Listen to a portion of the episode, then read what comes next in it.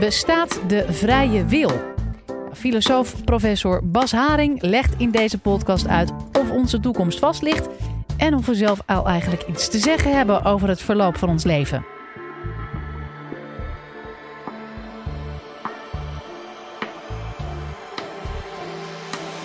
Live vanuit Club Air is dit de Universiteit van Nederland.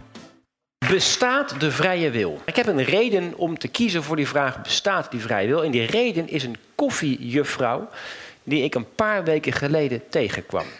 Ik ging een kopje koffie kopen hier in het centrum van Amsterdam. In een klein winkeltje, zo'n koffietentje. En ik neem die koffie aan, ik had betaald en die mevrouw zei van... oh, maar u bent toch filosoof? Op de een of andere manier wist ze dat. Ik zei van ja, ik ben inderdaad filosoof. Nou, zei ze, ik heb gisteravond een programma gezien op televisie. En daarin kwamen wetenschappers aan het woord. En die zeiden: de vrije wil bestaat niet. En ik ben nu helemaal in de war. Er wordt mij verteld: de vrije wil bestaat niet. En ik, ik weet niet wat ik weer moet. Ik ben confuus. Kunt u mij helpen? En dat kon ik niet.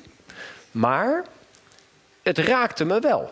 En wat we gaan doen is een beetje dansen rondom de thematiek van, dat, van die vrije wil heen. En wat ik eerst wil doen, ik wil eerst eventjes illustreren waar we het überhaupt over hebben. Heel logisch. Dus wat is dat dan eigenlijk, die vrije wil? Toen ik klein was, eh, ging ik wel eens met mijn ouders naar de bijenkorf. En ik was compleet gebiologeerd door die kast, de bimbo-box. Ik vond dat reuze spannend en ik kon er heel lang naar kijken. En hoe werkte dat? Je gooide er een kwartje in, die bestonden toen nog. En dan begonnen die poppetjes te bewegen en muziek te maken. En ik vond het vreselijk spannend. Maar, kwam ik snel achter, die poppetjes doen iedere keer hetzelfde. Het is redelijk voorspelbaar gedrag wat die aapjes in die kast vertonen. Bovendien had ik ook al snel door, dat is natuurlijk allemaal één grote mechaniek. Het is allemaal gewoon tandwieltjes en palletjes daar in die kast. Dus het is louter tandwieltjes en palletjes. Dat is, dat is puur mechaniek. Die aapjes in die kast hebben geen vrije wil. Want één, hun gedrag is 100% voorspelbaar. En twee, het is louter mechanisch. En de vraag rijst nu, zijn wij ook als die aapjes? Zitten wij ook stiekem eigenlijk in zo'n bimbo-kast zonder dat we dat zelf weten? Wat is de vrije wil? Wat, waar, waar hebben we het dan over? Um, daar kan iedereen zijn eigen gedachten over hebben. er zijn dit, dit, onderwerp van die vrije wil is een, heeft een gigantische geschiedenis. En er zijn denkers al eeuwen zijn over dat onderwerp aan het nadenken. Wat betekent het precies? En er zijn allemaal verschillende visies op wat dat begrip betekent. En ik nodig je ook vooral uit, denk daar zelf over na. Alles wat ik zeg moet je met een korrel zout nemen. Denk zelf na. Maar als ik zelf nadenk over wat dat begrip vrije wil voor mij betekent... dan denk ik dat er twee eigenschappen zijn uh, die, die, die belangrijk zijn. Hè? Ik heb een vrije wil als één, mijn toekomst ongewis is. Dat is bij die aapjes niet zo. Hun toekomst staat vast. Als mijn toekomst vaststaat, heb ik geen vrije wil. Als mijn toekomst nog alle kanten op kan, dan dat is één van de voorwaarden voor het hebben van een vrije wil. En twee, ik heb een vrije wil als ik het zelf ben die die ongewisse toekomst kan beïnvloeden. Stel je voor dat ik zou leven met een dobbelsteen. En die dobbelsteen zal mijn gedrag bepalen. Ja, dan is het weliswaar zo dat mijn toekomst ongewis is. Maar dan is het niet ik die die toekomst bepaalt. Nee, dan is het die dobbelsteen die mijn toekomst bepaalt. En dat is niet wat ik bedoel met vrije wil. Dus twee voorwaarden. Eén, mijn toekomst moet alle kanten opkennen. En twee, ik ben het zelf die mijn toekomst bepaalt. Dat zijn hele belangrijke voorwaarden voor Um, voor het bestaan van een vrijwil. Zo definieer ik dat begrip eigenlijk. En intuïtief lijkt het zo dat dat wel zo is. Hè? Ja, inderdaad. Ja, er is wel zoiets als een vrije wil. Want ik heb in het verleden ervoor gekozen om een bepaalde studie te gaan doen. En die keuze die heeft mijn leven mede bepaald. Als ik een andere keuze had gemaakt, dan had ik nu vermoedelijk iets heel anders gedaan. En dan had ik niet op het podium gedaan. Was, was mijn leven heel anders geweest. Dus intuïtief lijkt het zo dat er zoiets is als een vrije wil. Overigens moet ik nog één ding duidelijk maken. Dat thema rondom die vrije wil, dat betekent niet het vraagstuk: mag je willen wat je wil? Dat zou je kunnen denken. Er is namelijk zoiets als bijvoorbeeld godsdienstvrijheid. En godsdienstvrijheid betekent dat je mag geloven wat je gelooft. En er is ook zoiets als ehm, seksuele vrijheid. Je mag de seksuele geaardheid hebben die je hebt. Daar, in die zin, daar ben je vrij in. Dat mag je. Dus je zou kunnen denken dat vraagstuk rondom die vrije wil zou kunnen betekenen: mag je willen wat je wil? Maar dat is niet zo'n interessant vraagstuk. Want we mogen willen wat we willen. Daar zijn de meeste mensen het wel over eens. Als ik een ijsje wil, dan zal niemand zeggen: je mag eigenlijk geen ijsje willen. Nee, je mag, je mag volgens de meeste mensen wel willen wat je wil. Wat er veel spannender is, is de vraag: kun je ook willen iets te willen? Stel je voor dat ik een ijsje wil. Kan ik dan willen geen ijsje te willen? Hmm, dat wordt heel lastig. Ik kan niet iets willen wat ik niet wil. Volgens mij, dat wordt, dat wordt in ieder geval heel lastig. Ik kan niet willen, ik kan niet, ik kan niet, ik kan niet willen wat ik wil. Als ik een ijsje wil, dan wil ik een ijsje. En ik kan ook niet willen dat ik geen ijsje wil. En als ik wel een ijsje wil, nou ja, weet je, volgens mij dat is lastiger. Oké. Even terug naar die apenkast. Die apenkast hoef ik niet te laten zien, die heb je gewoon wel, wel in gedachten.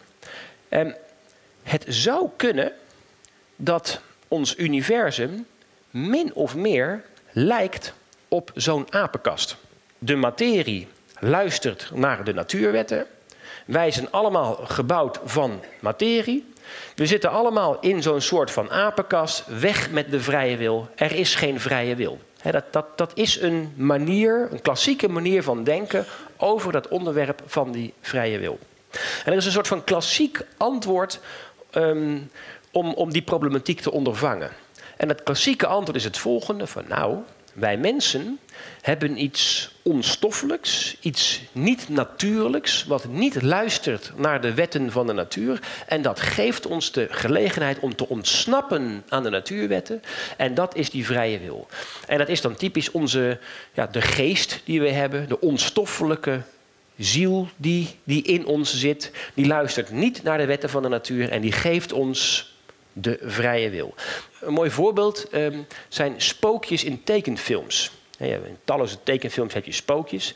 En spookjes kunnen door de muur heen vliegen. Die zijn ook onstoffelijk, zoals onze geest en ziel onstoffelijk zou kunnen zijn. Maar die spookjes kunnen door de muur heen vliegen, maar die kunnen er dus niet iets optillen. Dat kan niet. Het is of het een of het ander. Je kan niet en door de muur vliegen en iets optillen. Dat gaat niet. Dus die onstoffelijke spookjes, die kunnen in die tekenfilms wel bestaan, maar ze kunnen geen invloed hebben op de wereld. En zo is het ook met mijn onstoffelijke ziel. Als ik een onstoffelijke ziel of geest of hoe dan ook heb, waar mijn wil in huisvest, die niet luistert naar de natuurwetten, ja, hoe kan die mij dan beïnvloeden? Allemaal heel erg lastig. Waarom is dat wel of niet bestaan van, uh, die, van die vrije wil? Waarom is het een relevant vraagstuk? Het, wordt al duidelijk, het is een beetje een complex vraagstuk. Maar waarom is het een relevant vraagstuk? Er zijn twee redenen voor. Reden één is dat ons recht, onze rechtspraak, gaat ervan uit dat wij een vrije wil hebben. dat is een heel erg belangrijk uitgangspunt voor het recht. Stel je voor dat ik hier een klein meisje in het publiek zoek. Ik weet niet waar een klein meisje zit, maar het is een heel klein meisje en ik ben veel sterker dan dat meisje. En ik pak een pistool en ik pak dat meisje op het podium en ik geef haar een pistool en ik dwing haar iemand anders dood te schieten. Dan is het logisch dat zij niet de gevangenis ingaat. Want zij heeft niet uit eigen vrije wil geschoten. Ik heb dat meisje gedwongen om te schieten. Ja, heel logisch. Dus zij hoeft in dit geval niet naar de gevangenis. Maar stel je voor dat er in haar hoofd zo'n poppetje zit dat haar dwingt om de trekker over te nemen. Ja, moet ze dan wel of moet ze dan niet de gevangenis in? Als zij kan beargumenteren, ja, maar ik heb niet het eigen vrije wil. Toen ik in het publiek zat, die persoon doodgeschoten. Maar er zat een poppetje in mijn hoofd wat mij ertoe aanzette om dat schot te lossen. Als zo iemand dat plausibel kan maken, ja, dan hoeft iemand niet het gevangenis, de gevangenis in. Dus het, is, dat het vraagstuk bestaat de vrije wil, is een vraagstuk wat op zijn minst relevant is vanuit een juridisch oogpunt. En er is nog een reden waarom dat vraagstuk relevant is. En dat vraagstuk is dat mensen er soms een beetje zagrijnig van worden als ze denken geen vrije wil te hebben. Wie is dan nog verantwoordelijk? Kan ik nog wel kiezen als mijn leven vaststaat en ik helemaal geen vrijheid heb? Waarom zou ik dan überhaupt nog keuzes maken? Ik kom mijn bed niet uit. Die, die houding uh, die heeft ook te maken met dat vraagstuk van het wel of niet bestaan van die vrije wil. Dus wat heb ik nu gedaan? Ik heb één, die vraag gesteld waar ik straks verder op in zal gaan. Bestaat de vrije wil? En twee, heb ik laten zien wat die vrije wil ongeveer betekent. Hoe we daar ruwweg, heel ruwweg, tegen die thematiek aan kunnen kijken. En drie, heb ik laten zien dat het een relevante vraag is. Bestaat die vrije wil? En zo ga ik weer verder. Wil je nou meer afleveringen van de Universiteit van Nederland horen? Check de hele playlist en ontdek het antwoord op vele andere vragen.